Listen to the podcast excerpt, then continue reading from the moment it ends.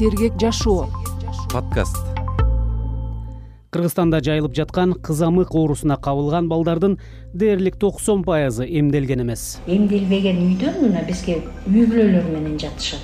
Расмий эсепте ноябрдын ортосуна карай бул дартты жуктургандардын саны төрт миңден ашып үчөө чарчап калды. Эмне оору экенин билбейбиз.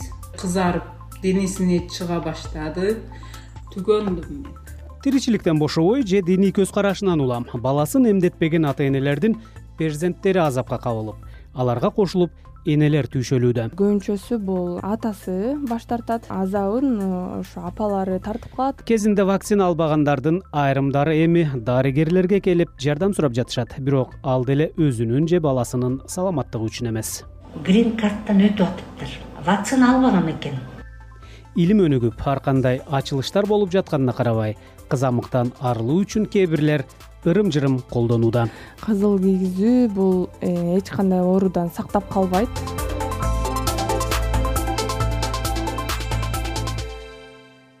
Саламатсызбы. Аты жөнүм санжар эралиев бүгүн жыйырманчы ноябрь эки миң жыйырма үчүнчү жыл жагдайды айтып берүү үчүн республикалык эмдөө борборунун эпидемиолог дарыгери нуржан замирбекованы азаттыктын студиясына чакыргам саламатсыздарбы? Адегенде бир сюжетти угуп алабыз. Сергек жашоо подкасты. Бала деген температура болот жөтөлөт дем ала албай калат. Түгөндөм мен. Гүлзыйнат үч жаштагы кызы менен жалал абаддагы ооруканада жатканына бир аптадан ашты жугуштуу дарттар бөлүмүнө сырттан эч ким киргизилбейт. Мүмкүн болушунча палаталарга бирден бейтап жайгаштырылат. Кызамыкка кабылган балдарды энелери карап жатат. Гүлзыйнат менен биз видео байланышта сүйлөштүк. Кыйналдык биз аябай кыйналдык. Вакцинаны алыш керек экен.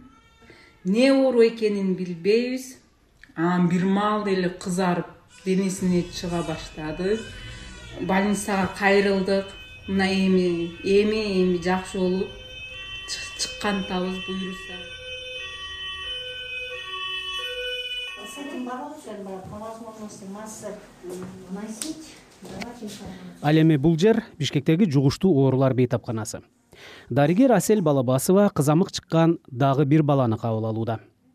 Кызамык жуккандарды кабыл алуу үчүн өзүнчө бир бөлмөгө сырттан кире турган эшик бар бул оору курчуганы тууралуу. Бет кап кийүү зарылдыгы жөнүндө эскертүүлөр жазылган. Бирок анын баары орус тилинде. Бүгүн тил маселесин эмес оорунун өзүн кеп кылып жатканыбызга байланыштуу эмнеге кыргызча маалыматтар жок деген суроону койбойбуз. Ал өзүнчө бир подкасттын темасы. Кызамык тууралуу сөздү улантсак. Дарттын орусчасы корь медицина кызматкерлеринин көбү ушул аталышты колдонушат. Деген аябай жугуштуу оорудан бир үйдө он киши жашаса бирөөсү ооруса калган тогузоо тең вакцина албагандар прививка албагандар ооруп калат. Беш этаж үйдөн бир подъездден бирөөсү ооруса калган ошол эле биринчи этажда жашаса экинчи үчүнчү төртүнчү этаждагылар тоже ооруп калышы мүмкүн. Кызамык айрыкча бишкек шаарында чүй ош жалал абад облустарында жайылууда. Бейтаптардын сексен сегиз пайызы он жашка чейинки балдар ооругандардын сексен жети пайызы түрдүү себептен улам эмдөөдөн өткөн эмес. Бул баягы жаш балдарга аябай кооптуу болот дегенден тышкары даже чоң кишилерге деле. Мына биздин больницага почти бир миң жети жүздөй киши обращаться этилсе ошонун ар бир онунчусу эле взрослый. Чоң кишилерде ооруп атат ошол эле чоң кишилер э, мына прям статистикадан деле алсак токсонунчу жылкыдан кийинкилер ооруп атат да как раз токсонунчу жылкыдан кийин баягы развал союза болуп прививкаларды значит энаталар жасаткан эмес. Алар эми чоңойгондо ооруп атышат балдары менен кошо. Деди дарыгер балабасова кыргызстанда баласын кызамыкка каршы эмдетүүдөн баш тарткан ата энелер он алты миңге жеткенин экинчи ноябрда жогорку кеңеште депутаттардын суроолоруна жооп берип жатып саламаттык сактоо министри алымкадыр бейшеналиев билдирген. Оорунун жайылышын таптакыр токтотуу үчүн өлкөдө эмделгендер токсон беш пайызды камтышы зарыл бүгүнкү күндө көрсөткүч жетимиш жети пайызды түзүүдө. Мындай элдер ойлонуп деле көрсө болот ар бир прививка чыккан оору жөн эле чыккан эмес прививкалар. Анткени бул оорулар аябай адамды кыйнайт. Эмделбеген үйдөн мына бизге үй бүлөлөр менен жатышат. Бир баласы ооруса беш баласы болсо калган төртөө тең келет.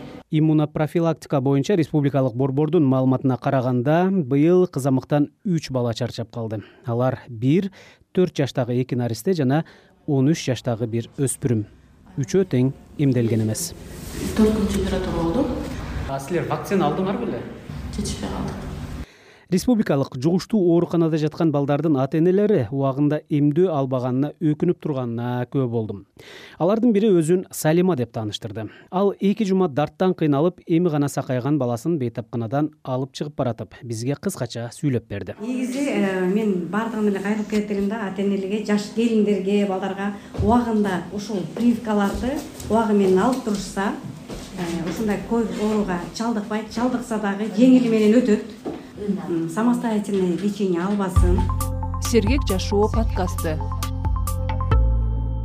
Э, кызамык аба аркылуу тараган өтө жугуштуу жана оор илдет э, бүткүл дүйнөлүк саламаттык сактоо уюмунун маалыматы боюнча эки миң он сегизинчи жылы э, дүйнө жүзүндө кызамыктан жүз кырк миңге жакын адам каза болгон. Алардын көбү беш жашка чейинки балдар уюмдун адистери кызамык өнүгүп келе жаткан өлкөлөрдө балдардын өлүмүнүн негизги себеби бойдон калып жатканын белгилешет.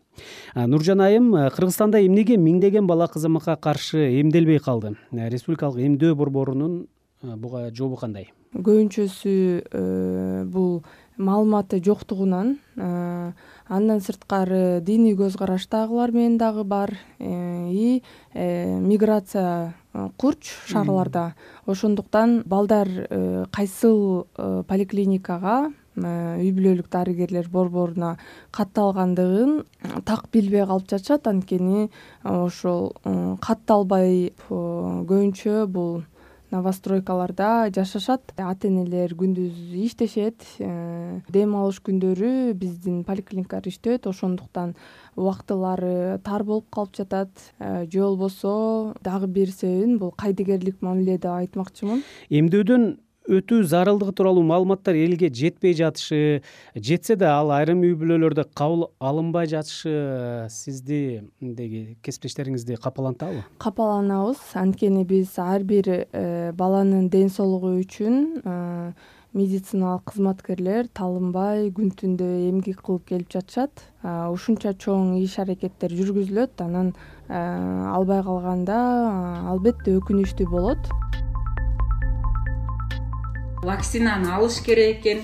Байкуш келиндерге алба алба десе эле албай эле коюп байкуштар эмне дейт эми? Мына азабын келиндер эле өзүбүз эле көрүп атабыз балдарыбыз менен чогуу. Э, бул э, ушул уктуруунун башында бизге сүйлөп берген жалал абадтык гүлзыйнат нуржан айым э, мына сиз ушул эмдөө тармагында иштейсиз. Гүлзыйнат көтөргөн маселе изилденгенби бизде? Сурамжылоо жүргүзгөндө көбүнчөсү бул атасы баш тартат. Кээ бир убактарда чоң ата чоң эне дегендер болуп калат. Азабын ошо апалары тартып калат. Анткени больницага ооруканага түшүп калса балдарын алар караш керек. Эмдөө алып койгон жакшы бала ооруп калганга караганда эгерде кызамык оорусу менен бала ооруп калса анда иммунитет э, такыр эле жок болуп калат. Баардык ооруларды өзүнө жугузуп алышы мүмкүн. И биз осложнение деп коебуз. Ошо өнөкөттөшүп э, башка оорулар дагы кетиши мүмкүн да. Анан э, натыйжасы мындай жаман болуп калышы мүмкүн. Бир аздан кийин кызамык оорусунун белгилери жана ага каршы эмдөөдөн өтүүнүн тартиби тууралуу учкай айтып беребиз. Азыр болсо талаштуу бир маселеде жооп алайын деп турам. Кызамык жана кызылча. Бул эки оорунун айырмасы кандай анткени кызамык тууралуу айрым маалыматтарда кызылча деген термин да колдонулат. Көр деген бул кызамык э, краснуха деген кызылча.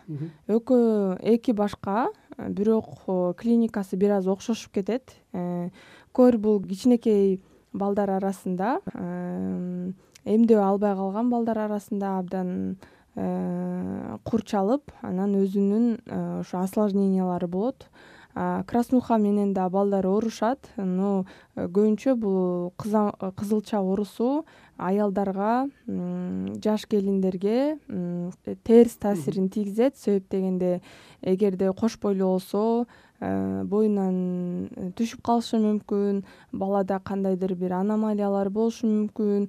Ошондуктан бул баардыгы вакцинациядан өтүш керек. Бизде жылдын башында кызылча дагы катталган болчу бирок э, лабораториядан көбүнчө кызамык болуп э, такталып жатат. Э, но эгерде ушундай эпидемия болуп көп регистрация болуп аткан убакытта экөө кошо кетиши мүмкүн смешанный болуп. Ошондуктан азыр эки оору тең жүрүп жатат деп айтсак болот расмий эсепте кыргызстанда быйыл жыл башынан бери кызамыкка кабылгандар көбүрөөк катталып күздүн келиши менен курчуп кетти. Акыркы жолу мындай кырдаал эки миң он бешинчи жылы болгон. Кошуна казакстанда да ушундай эле көрүнүш. Азаттык радиосунун казак кызматы ноябрда саламаттык сактоо министрлигине таянып билдиргендей өлкөдө он миң адам бул дартты жуктуруп жугуштуу ооруканалар бейтапка толуп калды. Кабыл алуучу убактылуу борборлор ачылды казакстанда да оорунун жайылышы баланы эмдетпөөнүн кесепети экени айтылып жатат. Өзбекстан менен тажикстанда да балдар кызамыкка кабылганы тууралуу маалымат каражаттары жазууда түркмөнстанда да жүздөгөн бала ооруканада жатканын азат кабар сайты маалымдады. Былтыр африканын жыйырма сегиз мамлекетинде бул дарттан адамдар жапа чеккен. Европанын айрым мамлекеттеринде да катталган дүйнөлүк саламаттык сактоо уюму билдиргендей убагында вакцина албоонун натыйжасында эки миң жыйырма экинчи жылы экономикасы чабалуу өлкөлөрдө кызылчага жана кызамыкка чалдыккандар он сегиз пайызга өскөн. Эми ушул жерден кесиптешим жазгүл эгембердиева кызамыктын белгилери тууралуу учкай маалымат берет. Кызамыктын инкубациялык убагы бир эки жумага созулат. Алгач дене табы көтөрүлөт алсырайт тамакка табити жоголот кургак жөтөл башталат. Мурду агат көздүн ыйла акчалары сезгенет төртүнчү жумага барып ооз көңдөйүндө ак бүртүкчөлөр андан соң териде ачык кызыл түстө тактар пайда болот. Кулактын артына чекеге бүртүкчөлөр чыгат кийин бүт денеге тарайт. Мындай учурда дароо дарыгерге кайрылуу зарыл. Эгер оору өтүшүп кетсе кулак өпкө сезгенип сокурлукка алып келиши мүмкүн кызамык менен көбүнчө балдар ооруйт. Бала кезинде оорубаган чоң кишилер да бул дартка кабылат. Андан сактануунун бир гана жолу вакцина. Кыргызстанда улуттук календарга ылайык балдар бир жана алты жашында эмдөөдөн өтөт. Вакцина акысыз. Оору сейрек учурларда эмделгендерге да жугат. Бирок тез сакаят. Сергек жашоо подкасты эми кызыктуу дагы бир маалымат менен бөлүшөм. Мен республикалык жугуштуу оорулар бейтапканасына барып э, дарыгер асель балабасова менен маектешкенимде ал эмдөөгө байланышкан бир тенденция тууралуу айтып берди. Көрсө акыркы кезде эмдөө алам деп келгендер көбөйүптүр бирок дарыгер анын түпкү максаты башка дейт. Эми ошол кишилер грин карттан өтүп атыптыр. Вакцина албаган экен. Как можно понять человека значит биздин кыргызстанда кандай жашай берет? Америкага кетиш үчүн обязательно вакцина алса болот турбайбы мына ушундай э, жагдайлар да болуп жаткан экен. Эми кызамыкка байланыштуу теманы улантып эл арасында жайылган ырым жырым тууралуу э, сөз кылабыз. Угушума караганда кызамык же кызылча чыккан балага кызыл кийим кийдирип э, кийгизип помидор кулпунай өңдүү кызыл мөмө жемиштерди бербей сакташат экен. Муну дарттан арылуунун жолу деп билгендер бар. Нуржан айым буга эмне дейсиз? Эмне үчүн айрымдар медицинага эмес ырым жырымга көбүрөөк көңүл бурууда? Э, менин оюмча эч кандай бул таасирин тийгизбейт. Кызыл кийгизүү бул э, эч кандай оорудан сактап калбайт. Анткени бул вирус анан эгерде вирус жуктуруп алса ал э, ооруйт бала э, ооруганда дагы э, аябай өкүнүчтүү болуп бүтүшү мүмкүн. Осложнениялардан бул көзү кулагы менен проблемалар болушу мүмкүн. Бат эле өнөкөттөшүп кеткенин билгизбейт ал бир нече жылдан кийин болушу мүмкүн абдан көп өнөкөттөшүп кеткен түрлөрү бар. Эң коркунучтуу оору болуп эсептелинет. Э, вакцинация э, эмдөө иштери жүргүзүлгөнгө чейин дүйнө жүзүндө миллиондогон балдар каза болчу. Биздин колубузда эми вакцина болгондон кийин эмдеп балдардын ден соолугун сактап калышыбыз керек деп ойлойм рахмат сизге. Маалымат иретинде айтып кетебиз он үчүнчү ноябрда кыргызстанда бир катар жугуштуу ооруларга акысыз текшерилүү акциясы башталганын саламаттык сактоо министрлиги билдирген жыйырма бешинчи ноябрга чейин баардык каалоочулар кызылча кызамык тепме коронавирус жана гепатиттин а б с д и е түрлөрүнө иммунитети бар же жогун поликлиникалардан бекер текшерте алышат сиз азаттык радиосунун сергек жашоо подкастын уктуңуз аны мен санжар иралиев даярдадым. Республикалык эмдөө борборунун эпидемиолог дарыгери нуржан замирбекова маалымат бөлүштү. Оорубаңыздар. Сергек жашоо. Сергек жашоо. Ден соолук улуттук саламаттык интернетте эң көп окулган темалардын сап башында. Баарыбызды медицинадагы илимий ачылыштар дарылоонун жаңы ыкмалары канткенде оору сыркоону алдын алып жашоонун сапатын жакшырта алабыз деген маселе ойлондурат. Дал ушул темаларды азаттыктын сергек жашоо подкастынан уга аласыз подкастты apple google spotify аянтчаларынан жана азаттык чекит орг сайтынан табасыз. Сергек жашоо